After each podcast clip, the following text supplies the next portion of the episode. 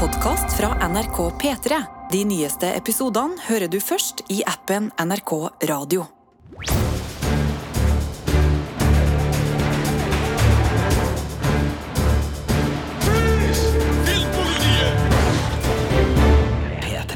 Velkommen til ukas episode av Filmpolitiets podkast! I studio i dag, Marte Hedenstad og Sigurd Vik. Yes! Og vi er i deilig seriehumør om dagen, Sigurd. Ja, det er vi. Eh, April har vært en eh, strålende seriemåned, og det er det vi har tenkt å benytte anledninga til å, å dele litt med dere nå. For vi har sett en del serier i det siste som gjør at vi har lyst til å dele ferske serietips fra april 2022 med dere. Eh, Det betyr jo dessverre at eh, ikke alt blir med, for det fins serier vi har skjønt at er veldig gode, som vi ikke har rukket å se. Da, Ja. Du har blant annet en Netflix-serie du har på lista, men som du ikke har rukket. Ja, Heartstopper den eh, har dukka opp eh, rundt omkring i diverse sosiale medier med voldsomt skryt, så den er jeg veldig veldig nysgjerrig på. Eh, high school-drama, tror jeg det er, på Netflix. Og jeg har kjempelyst til å se Made in Oslo. Skal se Made in Oslo. Har ikke rukket å se uh, den norske serien Made in Oslo ennå. Så det vil selvfølgelig være gode grunner til å peke på oss og si at sånn, ja, men dere har jo ikke med den. Og det her er ikke liksom fasiten for de beste seriene fra april 2022, men det er uh, ja, i denne episoden fem ferske serietips som vi tenker vi skal dele med dere. Og det blir ikke spoilerland, det her. Vi skal, vi skal ikke snakke om dem sånn som vi gjør med Game of Thrones eller Wheel of Time eller Star Wars, The Mandalorian-universet. Vi skal ikke røpe hva som skjer på slutten, men vi skal prøve å si nok til at dere eventuelt finner ut om ja, det høres ut som noe jeg kan tenke meg å kose meg med, eller eventuelt sånn nei takk. Eh. Um, skal vi starte med eh, det som er ferskest, eh, Marte? Altså en Ja, serie som bare så vidt er i gang, men som jeg har sett hele av. Derfor så føler jeg at jeg med trygghet kan si at uh, den er så uh, god at uh, dere må bare starte på den. Det er en serie som nå eh, har Eller skal vi se, nå skal jeg bare dobbeltsjekke. nå er jeg litt sånn i, i ukesmodig her. Den Ja da, den er ute med første episode allerede. Nå måtte jeg bare sjekke fredag er premieredag, så nå Ja, ble jeg litt sånn er det på fredag. Men på tirsdag så kom første episode av We Own This City på HBO Max. Og det er jo da en virkelighetsbasert eh, krimdramaserie fra både skaperen og skaperne eh, av eh, The Wire, altså David Simon, eh, som da var The Wire-serieskaper, og George Pelicano, som var med og, og skrev på The Wire. De toene har jo tidligere også gitt oss Tremé og The Juice, eh, men nå har de da altså laga We Own This City, som er basert på en eh, Baltimore Sun-journalists bok om en politiskandale som gikk fra jeg tror 2015 til 2017. Eh, journalisten heter Justin Fenton, og så er det King Richard-regissør Renaldo Reinaldo Marcus Green som da har regi på alle seks episodene. De her kommer ukentlig, så man har liksom tid til å, å fordøye det litt, og den første uke, eh, episoden er da ute. Og så er det John uh, Berntal, eh, hvis jeg uttaler det navnet riktig, kjent fra The Walking Dead, kjent fra The Punisher-serien til, til Netflix. Og Veldig kul skuespiller! veldig kul skuespiller.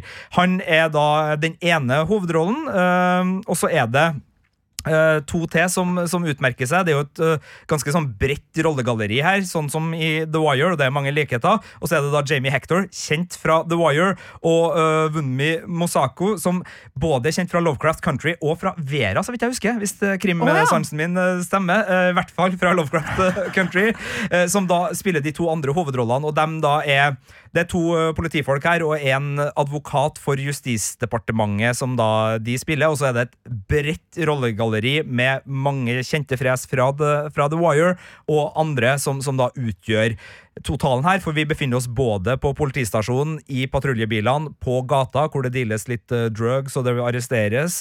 Vi er inne på ordførerens eh, kontor. Vi er, følger da den her eh, advokaten fra Justisdepartementet som prøver å nøste opp i ting. Så, så det er en veldig sånn kompleks framstilling av en, en, en ja, altså, skal være helt ærlig, altså, den skildrer hvordan tilliten til politiet i Baltimore bare pulveriseres gjennom både denne politiskandalen som er i, i forgrunnen, så er det også sånn at historien om Freddie Gray, som var en ung svart mann som døde etter en arrestasjon i 2015, er en del av bakteppet her, en, en vesentlig del. Da var det også flere demonstrasjoner i etterkant av det. Og så er presidentvalget i 2016 mellom Donald Trump og Hillary Clinton også vesentlig fordi uh, budsjetter, politiske retninger, signaler for hva man skal liksom prioritere, både på ordførerens kontor og av de som skal liksom be, uh, finne den rette politiske løsninga for at politiet skal både framstå effektivt, samtidig som noen også da prøver å gjøre dem effektivt. Altså, Alle de her tingene mm. henger sammen da og gjør serien mye større enn bare en enkelt historie. Og den gjør den også mer relevant enn å bare være ei enkelthistorie fra Baltimore i den perioden. Det er ting som uh, skjer her som gjør at man føler at den både er relevant for et USA som har et altså enorme utfordringer med sitt forhold til politiet uh, akkurat nå, og har hatt det over lengre tid.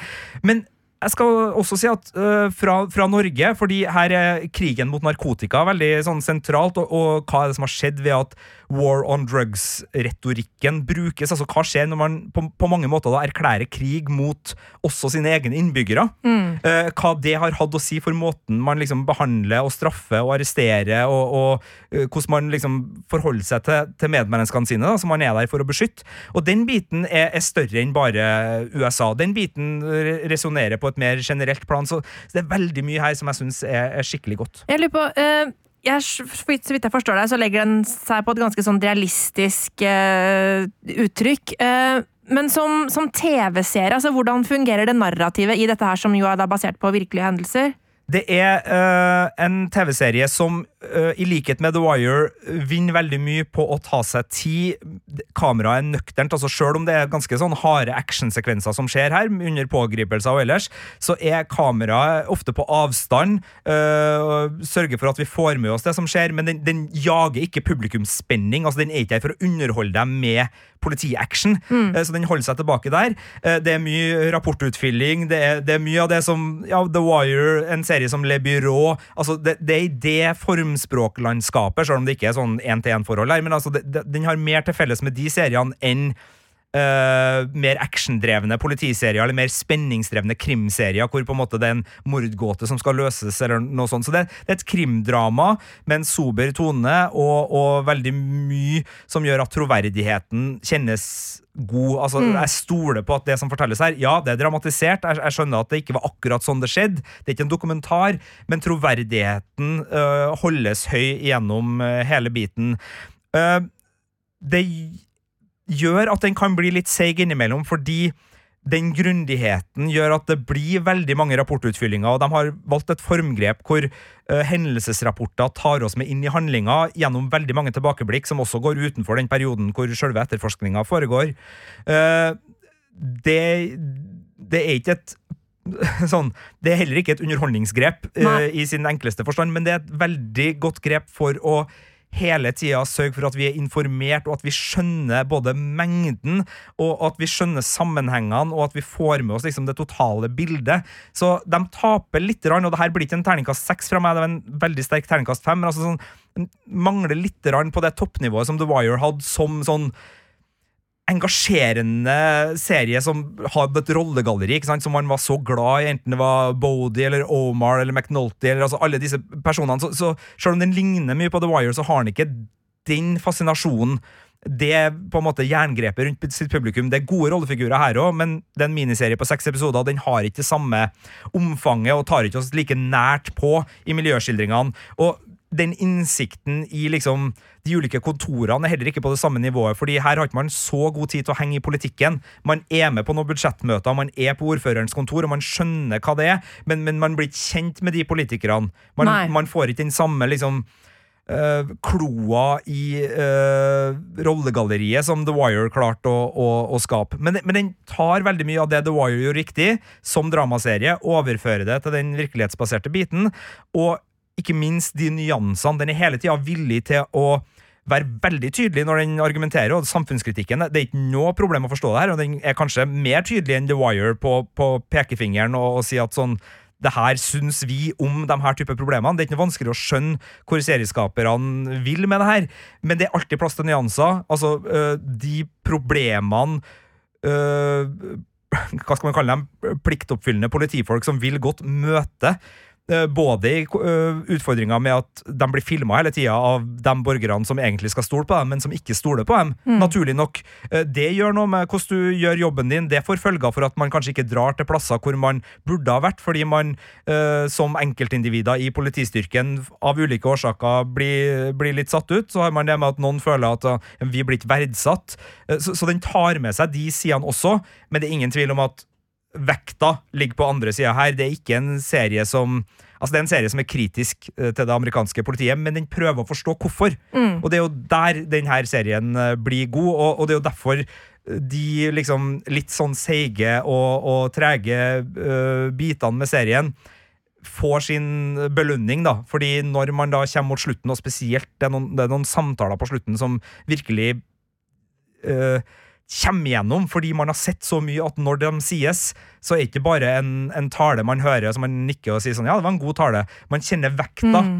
av de ordene, og man skjønner hvor langt det har gått, og man skjønner hvor utrolig store problemer som står foran et samfunn hvor man ikke engang, sånn som serien skildrer det Nå skal det sies at jeg er ikke noe USA-ekspert her, det må inn, men sånn som serien skildrer det altså, Du får ikke satt sammen en jury, fordi når spørsmålet kommer Stoler du på at politiet vil si sannheten, så har ikke du nok folk i den uh, juryansamlinga som, som, skal, sier ja. Som, som sier ja, ja. Og, og, og, da er jo rettssikkerheten og rettsvesenet helt i, i ja, i krise, uh, rett og slett. Så, så som sagt, jeg, jeg, kan ikke det her. Jeg vet ikke om det er Det, det kjennes troverdig. Jeg, jeg, tror på det, og det, det setter uansett hvor man er på en måte med årsak og virkning og alt det der, hvor man befinner seg, eh, både politisk og, og, og i denne uh, biten. Uansett så er det så mye rom til ettertanke og så som, mye som setter i gang tankeprosesser her, at jeg mener at den er verdt å se, og at den er god uten at du liksom trenger å ha den samme meninga mm, som serieskaperne har for å, å, få noe utbytte av det. Det her er uh, Jeg mener krim fra virkeligheten som, som bør sees og, og, og, bør eh, fungere godt for et eh, bredt publikum, også her i Norge, fordi den klarer å løfte de blikkene hardtslående saker, høres det her ut som. Ja, det ble veldig eh, Sigurd. positivt her nå. Ja. som sagt, en, en, god femmer på terningen. Ikke en like god TV-serie som The Wire, som det da er veldig naturlig å, å sammenligne med, men det her er en virkelighetsbasert en som, som setter seg mellom mellomgulvet. Ja, og mens vi spiller denne podkasten nå, altså på denne siste torsdagen i april, hvor mange episoder er det som ligger ute av We Own This City? Det er én episode ute nå. Det kommer en ny episode tirsdager på HBO Max. Eh, men siden jeg da har sett alle sammen, vi var heldige denne gangen, eh, pressen, eh, og som da er utgangspunktet for den anmeldelsen som også ligger ute på p3.no filmpolitiet, så, så, tør jeg å ta den med på en aprilanbefaling ja. og si at det her er en serie det er Uh, veldig greit å, å, begynne på, spesielt hvis du er glad i sjangeren og The Wire og syns at uh, det å diskutere politiets rolle i samfunnet er interessant. Ja, og hvis ikke du har sett The Wire, så kan du jo òg eh, kaste deg ut i den serien som også ligger på HBO Max. Der har du gode fem sesonger. Uh, ikke et ferskt serietips, men like fullt et veldig godt serietips. Ja. Og nå skal vi over til et tips fra meg, som er en serie som jeg gjentatte ganger sier feil uten å mene det at ligger på Netflix, men det gjør den ikke. Den ligger på Disney Pluss, og det er Hulu-serien The Drop Dropout jeg snakker om. Eh, og grunnen til at jeg hele tiden har lyst til å kaste den inn i Netflix, er at Netflix er veldig gira eh, på True Swindle og så videre om dagen. De spyr ut serier og filmer av, av, av den sorten. Ja, og, og, her er det jo både dokumentarer og dramatiseringer som har kommet, men, men, felles for dem alle, eller felles for en del av dem, er at det er svindelhistorier fra virkeligheten som er den saftige biffen. Og du har jo rett, altså Inventing Anna, uh, The Tindler Swindler uh, er, Ja, The Fire Festival-dokumentaren tilbake. Ja, ja, ja. Absolutt. og ja, det, det, er flere, eh, og, og, det er jo her da Bad Vegan! Bad Vegan ja, er, er der, og, og, det er her da, ikke Netflix, men Disney Pluss, da mm -hmm. kommer med en podkastbasert uh, utgave do, som forteller ei historie som uh, Altså, plottet, hvis man kan kalle det, høres jo for godt ut til å være sant allerede i utgangspunktet. Altså sånn, Ei maskin som du kan gi en blodprøve, Ja. og som kan gi diagnosen på var det 200 ulike sykdommer eller Ja, ja, tilstander. Eller Kun ved et bitte lite stikk i fingeren. Du trenger ikke ta en blodprøve, du kan bare ta en litt sånn nanonål, som det heter. Med én dråpe blod i fingeren, så skal du kunne med et portabelt lite eh, maskineri eh, kunne mm, ikke kurere, men diagnostisere. Eh, Tenk at Du skulle like gjerne sagt kurere, for da hadde du virkelig Nei da. Men det her er da altså dessverre ikke noe som Nei, vi har enda. Nei, det er ikke det. det, altså det, det er ikke science fiction heller, men, men vi, vi hadde ikke kommet dit. Men det var eh, noen som hevda det, og som tjente i hvert fall en periode gode penger på å si at det var sånn. Ja, fordi Elizabeth Holmes hun ble den yngste kvinnelige selskapte milliardæren noensinne i 2003. Eh, hun har blitt eh, tatt igjen nå nylig, faktisk, tror jeg. Eh, Men eh, uansett. Og det ble hun jo, eh, fordi at selskapet hun da hadde opprettet eh, og var eh, administrerende direktør i, Terranos, var en milliardbedrift og tjente store penger på det som jo da rett og slett var en rein løgn, fordi denne ene dråpen med blod var selvfølgelig ikke nok, og denne maskinen som faktisk ble brukt til å diagnostisere millioner av amerikanere, eh, bare diagnostiserte feil, stort sett. En kjempemonstersvær skandale eh, i eh, USA og Silicon Valley. Eh, og Elizabeth Holmes ble jo nå nylig dømt eh, for svindel og bedrageri. Hun har ennå ikke mottatt eh, dommen, så vi vet ikke hvor lenge hun skal måtte sone, men det kommer nok til å bli en god stund, ja.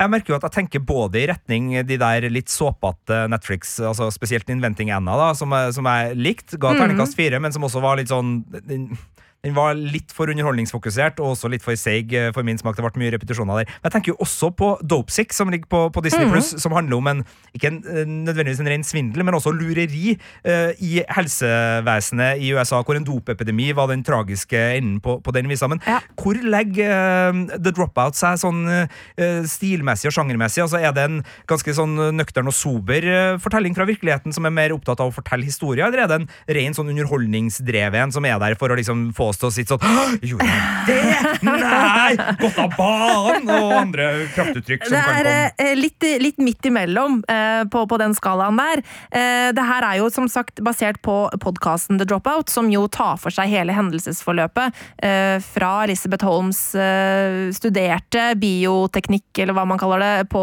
universitetet ved Stanford, eh, og, og til hun da blir avslørt som en svindler. Eh, det som eh, det er jo det er en underholdende serie.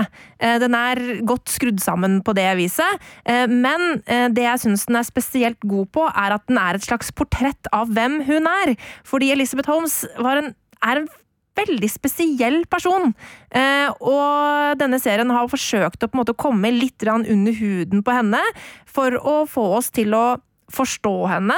Ikke, ikke nødvendigvis få sympati for henne, fordi serien unnskylder på ingen måte noen av de handlingene hun har gjort, men øh, den på en måte gir oss et lite bilde av hvem hun er som menneske, da, eller i hvert fall hvem serien, hvordan serien fremstiller henne som menneske. Og det er jo da Amanda Seyfried som spiller eh, rollen som Elizabeth Holmes, og, og hun er jo fascinerende å følge med på. Eh, hun er veldig lik eh, den ekte personen eh, rent utseendemessig, men spesielt også i sånn fakter og ikke minst talemåte.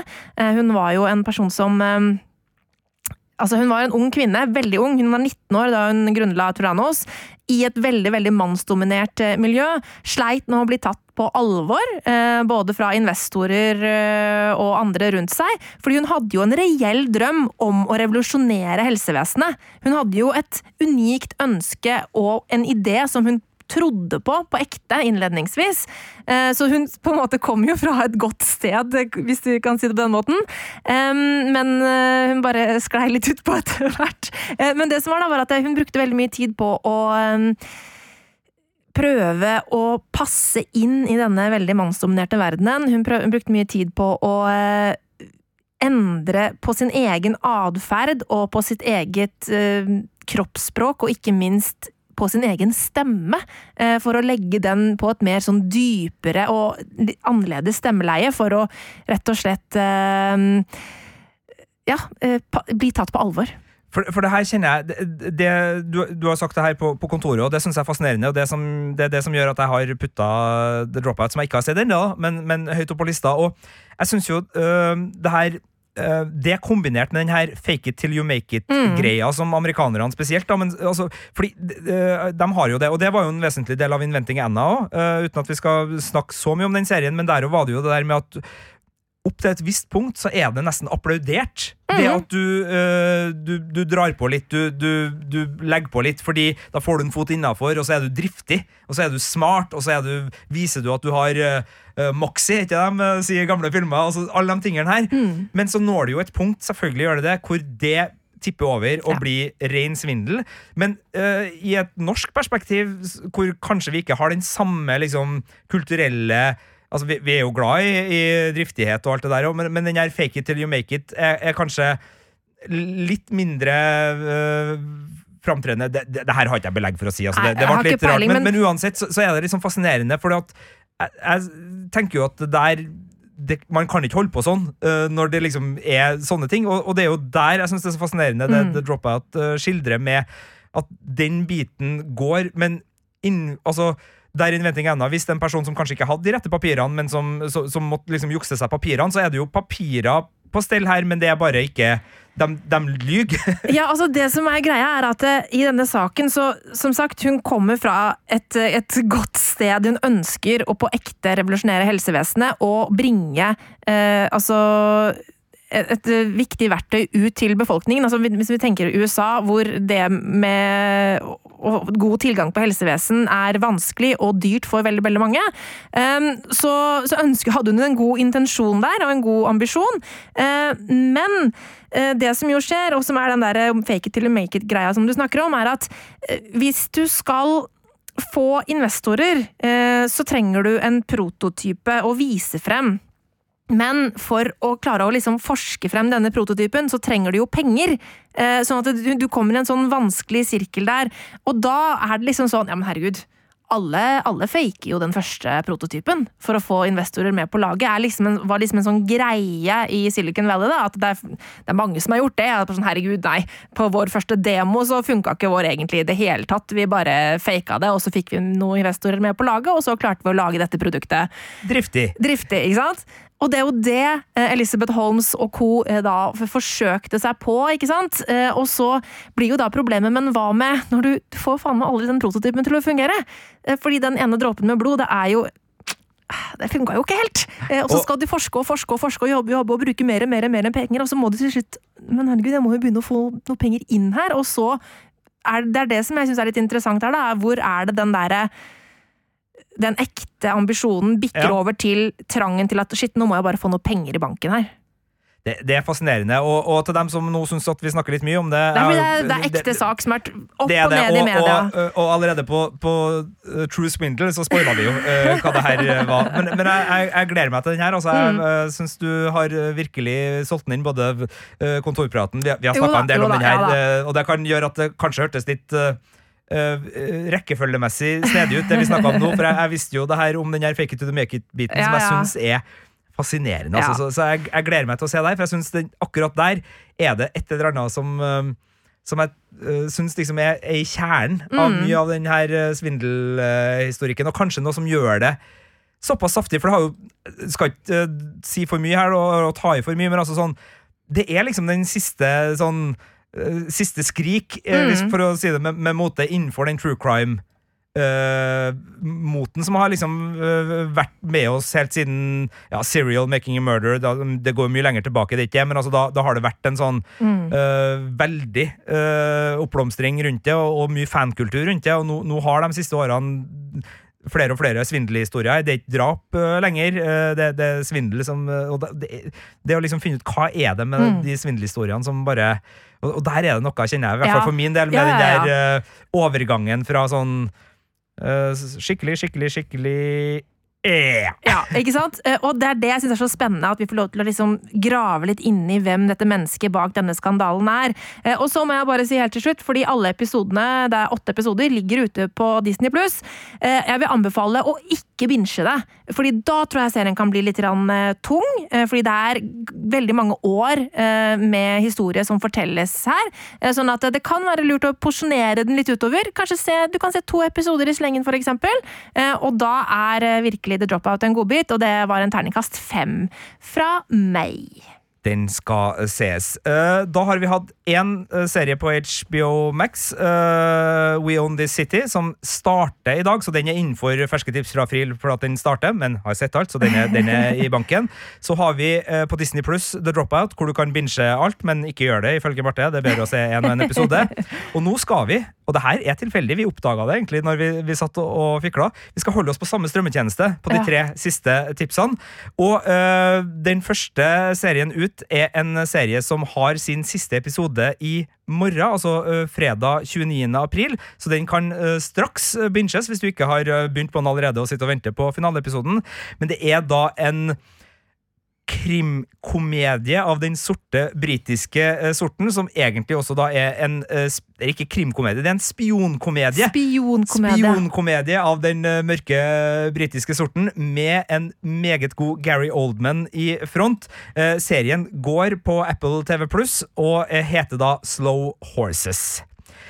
Og Barte, eh, Le Bureau, Muldvarpen-filmen eh, Ja. som eh, Jean Le la, eh, hadde skrevet, eller, skrevet boka som, som filmen var basert på, med Gary Oldman. Er det ting du har eh, satt pris på? Liker du det litt eh, mørkt og mystisk og etterretningsspennende? Ja, jeg, jeg er jo ikke så gal etter etterretning eh, som deg, Sigurd, men jeg syns det er spennende. Absolutt. Ja, og det som er så digg med Slow Horses, da, som er basert på ei bok med uh, Ja, det, det er vel første det er den første av elleve bøker om uh, Slowhouse-avdelinga til MI5, det her, skrevet av McCarran, Det er at den både er spionspennende og har et etterretningsplott som virkelig liksom får deg ut på stolkanten, og som gjør at du liksom ja, får de der Homeland og, og Le Bureau-kriblinga i, Ja. i magen.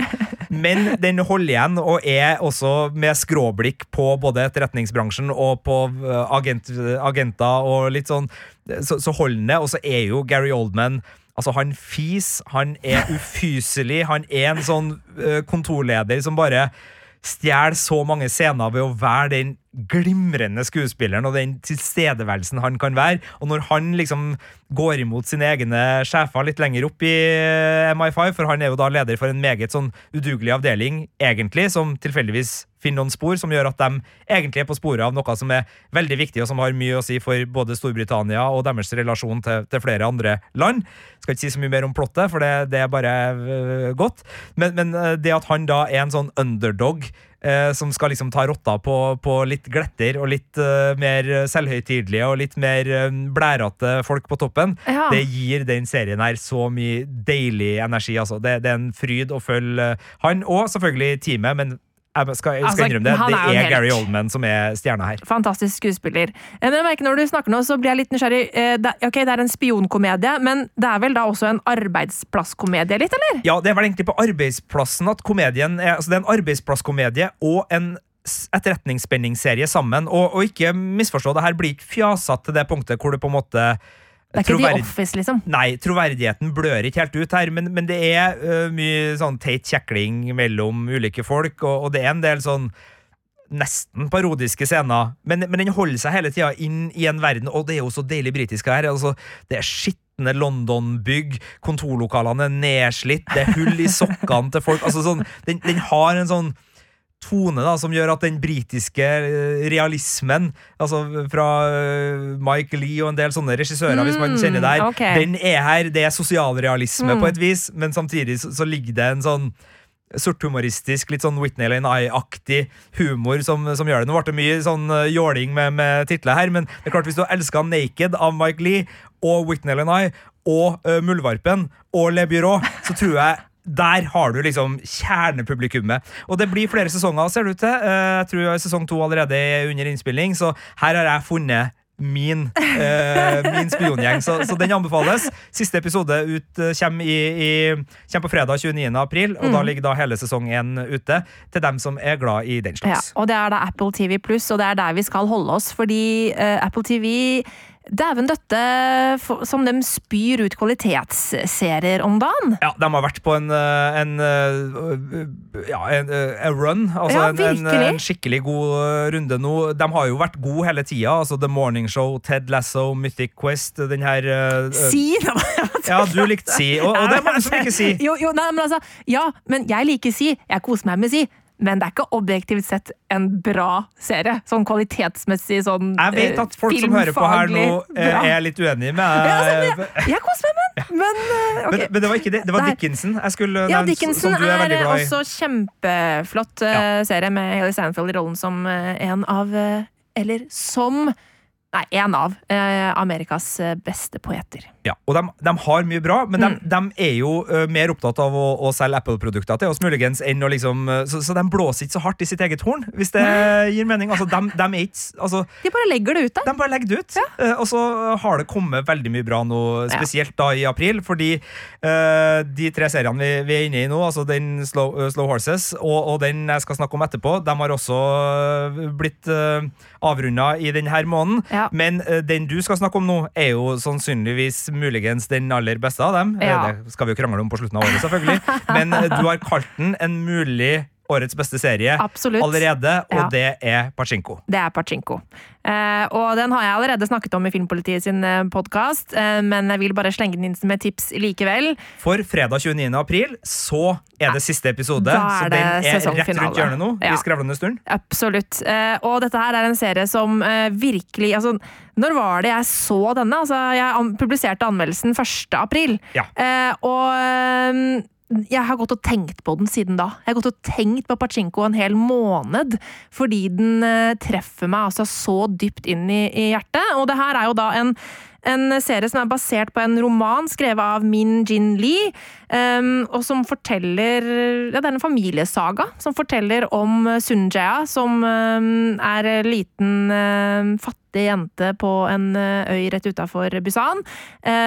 Og vi følger livet hennes uh, frem til hun er en uh, gammel bestemor i Japan på slutten av 80-tallet, fordi dette her er jo da en historie som, som fokuserer på én familie og én hovedrolle, men som også er en større historie om et helt folk, nemlig hvordan uh, koreanere måtte forlate sitt eget hjemland uh, av sult og fattigdom og alt mulig sånn, etter at eh, Japan annekterte landet. Sånn at uh, dette her er en veldig, veldig sterk historie, og det er en historie som jeg ikke Altså, jeg vet jo at, eh, at Japan eh, okkuperte mm, Korea på et tidspunkt, eh, og jeg har gått på taekwondo, så derfor har jeg fått litt, litt sånn Japan versus Korea-historie inn, inn der. Men likevel en del av historien som jeg vet veldig lite om, og som jeg føler at jeg har fått veldig mye større innblikk i gjennom Pachinko, fordi det er et eller annet med og den er jo relevant i, i vår tid også, det der med å skulle forlate og flykte fra hjemlandet sitt. Prøve å passe inn på et nytt sted. Um, men det å ikke bli godtatt der du er, det å på en måte være ja, en annenrangs borger der du er, eh, og det er også det som er veldig sterkt med Pachinko, fordi Sunjayas liv fortelles i to tidslinjer. En fra fortida, hvor vi følger henne fra hun er liten jente og til hun blir tenåring og voksen dame. Og så denne 80-tallshistorien hvor hun er bestemor, og hvor vi også da følger hennes eh, eh, barnebarn Solomon, som fortsatt da, så lenge etterpå, føler seg som en annenrangs borger eh, i Japan. Jeg, jeg gleder meg sånn til å, å se den serien her. Det er en serie jeg har uh, satt på, på hold for å, å virkelig liksom kunne eh, gå dypt inn i. Jeg syns du har snakka så varmt om den og fortalt Mm. meg så mye som gjør at jeg, jeg gleder meg virkelig sånn til å se den. Eh, og så er det to ting jeg har skjønt at jeg skal virkelig eh, se opp for, i tillegg til alt det vakre du har sagt om sjølve historia og tematikken og, og, og hvordan den slår fra seg der. Mm. Så er det en åpningsvignett jeg har skjønt at jeg skal oh, følge med på, Ja. og en bolle med ris som jeg tror kommer i løpet av de tre første episodene en gang, Ja. som jeg også skal følge veldig med på. Ja, det er noe med koreansk ris har visst en ganske særpreget nøtteaktig smak som man ikke får nødvendigvis andre steder i verden. Og det er klart at det å skulle smake hjemlandets eh, ris for aller siste gang er uh, sterkt. Um, og det er eh, Altså En helt gjeng med fantastiske skuespillere med i denne serien her også. Eh, Mina Kim har jo da hovedrollen som eh, Sunja som ung. Stjerneskudd. Se, hun må man følge med på videre. Hun er helt fantastisk. Jeg har aldri sett henne. Hun er helt ny, liksom. Eh, helt fantastisk skuespiller. Eh, og så er det jo eh, ja, Oscar-vinner Yun Jung Jung Yun Altså- ah, Sorry, jeg er så dårlig på å uttale navn. Yun Yu Jung, som er en helt utrolig Altså, jeg kunne bare sett på henne prate i evigheter. Hun har en helt enorm tilstedeværelse, og ja, hun er helt fantastisk i TV-ruta. Det er noen mennesker som gjør at når man ser dem, så får man bare Man blir umiddelbart dratt mot dem og har bare lyst til å møte dem, Ja. tilbringe tid sammen med dem. Og, og så får det bare være at det er en skjerm imellom. Uh, sikkert bra for, Mm. for henne, men altså, allerede på Oscar-showet i fjor jeg, jeg, Hun er så sjarmerende. da, ja. Ble jeg da, da bare sånn Det der, mm, for et karismatisk, fantastisk menneske, mm. kjenner jeg overhodet ikke. Anne kan godt den, eh, altså sånn at man har noen overraskelser, men hun bare virker så ekte. Mm. Og, og jeg gleder meg til å se henne i, i den rollen, for hun øh, Ja, Mm. Minari og var jo Ja. Ja. Og så oppå alt dette her så er også Pachinko en veldig vakker eh, TV-serie. Rent visuelt sett. Det er utrolige flotte bilder som er veldig godt komponert, og en klipperytme som blir litt sånn poetisk innimellom. Så det er en terningkast seks. Eh, Det er en helt fantastisk TV-serie. Eh, Få det med deg. Eh, Jeg merker at jeg, selv nå, en måned etterpå, så får jeg klump i halsen av å snakke om. Eh, Så kom deg inn på Apple TV Pluss for, for å se Pachinko. Ja, og siste episode, den åttende episoden av den serien, har også da premiere 29. april på Mm. Apple TV+. Så den serien er også nå i april da tilgjengelig i sin helhet, sånn at den kan eh, nytes. Og så er det da en siste, som da blir den femte og siste serien vi skal snakke om i, i denne podkasten, som vi har valgt å kalle uh, Ferske serietips, april 2022. Ikke umulig at det blir flere av den her, for det, det gir oss en måte å oppsummere litt serier Ja. vi, vi har uh, likt veldig godt, som vi kanskje ikke har rukket å snakke om i podkasten, eller som vi har rukket å snakke om, men som allikevel vi har lyst til å, å, å tipse om. Uh, og det er da en serie som starta litt tidligere, og som eh, rett og slett ikke ble anmeldt fordi eh, det, det var ting som gjorde at vi måtte omprioritere. Mm. Jeg satt klar til å Jeg så de to første episodene og skulle anmelde den, og så fikk jeg beskjed om at jeg måtte komme meg på kino, for da var det litt eh, omfordeling av arbeidsoppgaver rett og slett Vi, i, vi har ikke alltid tid. Nei, det eh, med og, og det var jo kjempetrist å, å slippe fra seg den, for det, det har jo virkelig vært eh, en av årets beste serieopplevelser for meg. Snakker da om Severance, som uh, gikk ferdig med alle sine episoder litt tidligere i, i måneden her, og som nå da ligger ute i sin helhet på um, Apple TV+, som er en uh, serie som uh, både er estetisk og intellektuelt veldig stimulerende. Altså, det er en uh, serie som har sånne retrofuturistiske elementer eh, som gjør at man liksom tenker på Stanley Kubrick og, og bare liksom tenker wow, for en verden dere har bygd. Mm. Eh, arbeidsplass, uh, ikke komedie, arbeidsplass, uh, thriller, konspirasjonstriller her. Og så er det også, etter hvert da som episodene går, så mye som i en sånn science fiction-aktig greie stimulerer både til hva i all verden er det som foregår her, Ja. Eh, men også litt sånn Å ja, kan det gå an? Fordi plottet her, ganske enkelt, er at uh, man lever i en verden hvor en arbeidsgiver har funnet en prosedyre som gjør at man kan klippe hukommelsen i to. Uh, Severance-prosedyren, som da gjør at når du er på jobb, så husker du bare jobbting. Mm. Uh, og når du er på privatlivet, så husker du bare privatlivet. Men du husker ikke jobben din på privaten, og du husker ikke privatlivet ditt på jobb.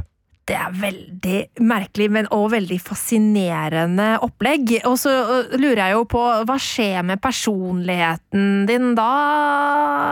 Hvordan ah, Jeg merker at hjernen min øh, får litt vondt av å tenke, av å tenke tanken. Ja, og uh, Vi har fått inn en del forespørsler om å snakke om den her. Og uh, Så langt så uh, Birger Vestmo, vår kjære kollega, han driver og ser den. Ja, jeg har sendt ferdig.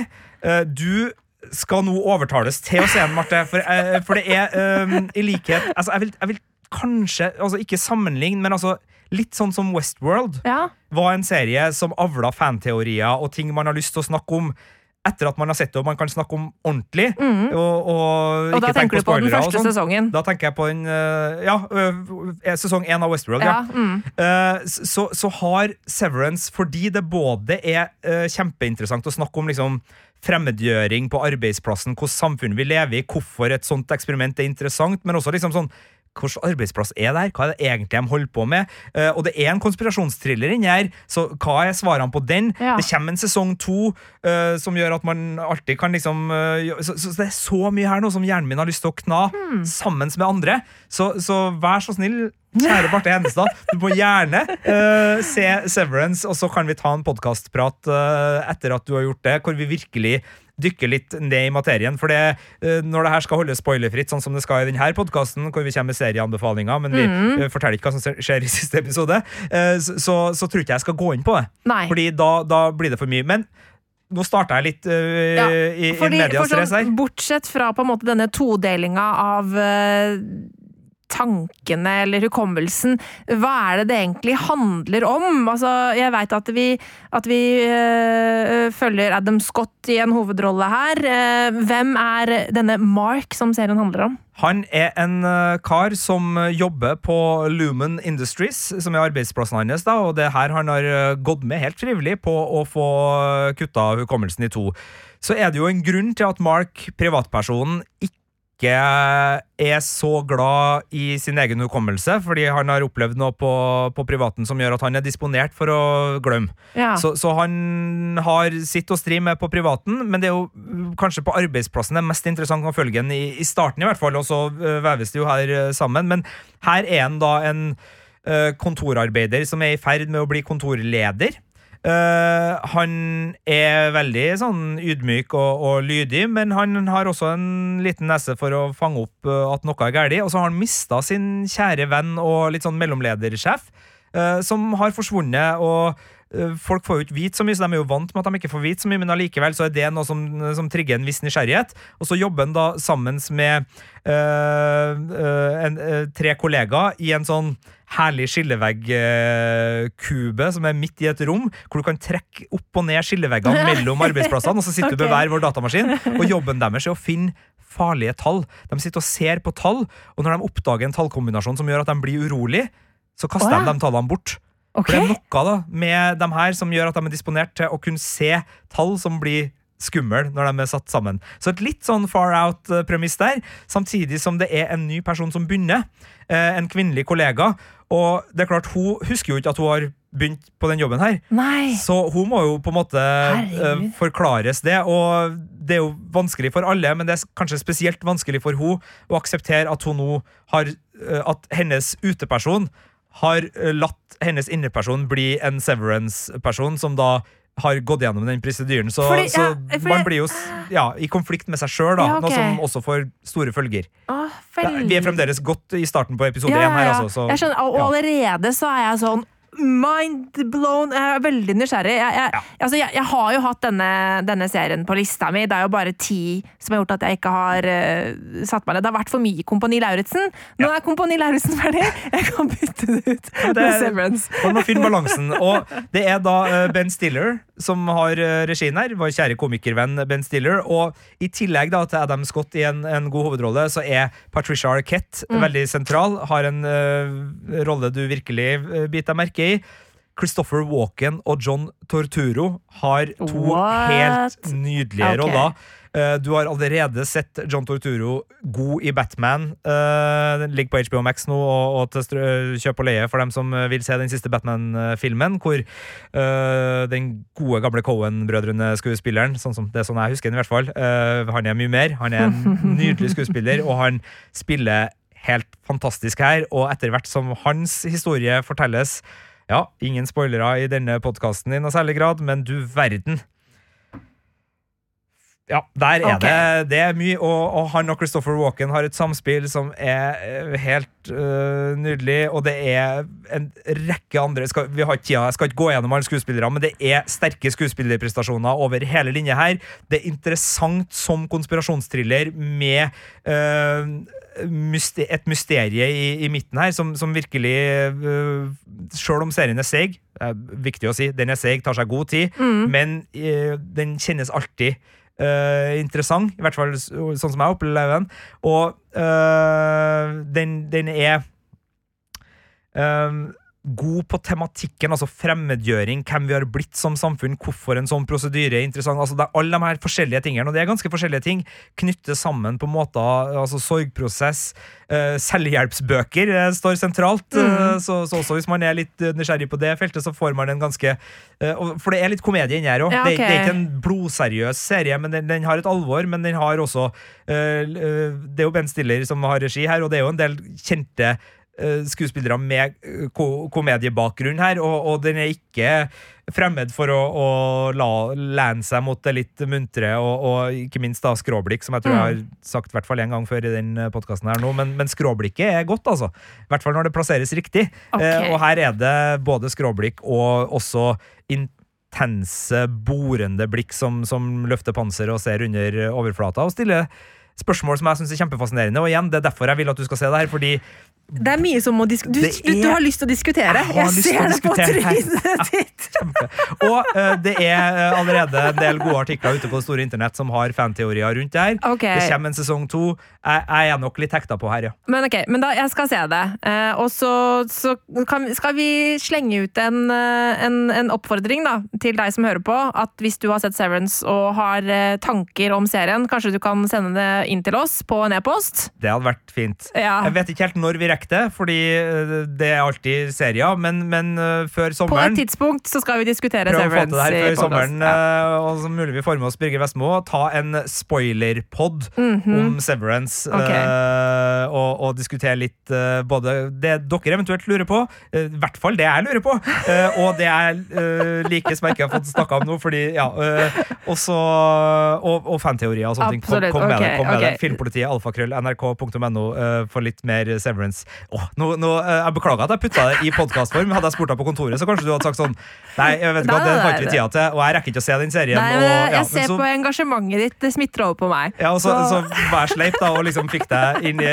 foran en eh, mikrofon som sto på, et bånd som gikk, og så Ja. Sorry, Marte. Det var litt dårlig gjort. Ja, men Det er veldig bra. Jeg gleder meg til å se Severance. Uh, Det var altså siste tips eh, ut i denne podkasten. Severance, Pachinko og Slow Horses ser det altså på Apple TV pluss. The Dropout er på Disney pluss, og We Own This City er på HBO pluss. Nei da, den heter jo HBO Max. Helmaks, uh, Marte. Ja, hallo, Martin Lepperød her. Henrik Farli her. Og Jonis Yusuf Abdullah. Vi lager en podkast som heter Dynga. Eh, Det er en søppelpodkast. Det er en søppelpodkast av og med søppelfolk. Vi, halve podden handler om oss, andre halvparten handler om deg der hjemme. Hvis du er lei av tre unge menn som fjaser om å være tre unge menn, så er dette her podkasten for deg! Ja. Eh, og gi det et forsøk. Liker du det, velkommen til familien. Liker du det ikke, get Ja, det er here. på en måte verdt å sjekke Get ut. Ja, det er jo verdt å sjekke ut. Get out of here. Det er sånn artig Jeg, jeg syns det er god stemning. Ja, mesteparten Get in here or get out of Get here. in! Det er gratis. Og, og, og, og hvor veldig mange av de andre podkastene som har kvalitet, har gått bak betalingsmur, så har vi skjønt vår verdi. Og vi, er vi kjører mantraet Get what you pay for. Det er ingenting. Nei, nettopp. ja, men Det er jo det som er vitsen, Martin. dy- dynga ligger klar. Ha, ha det!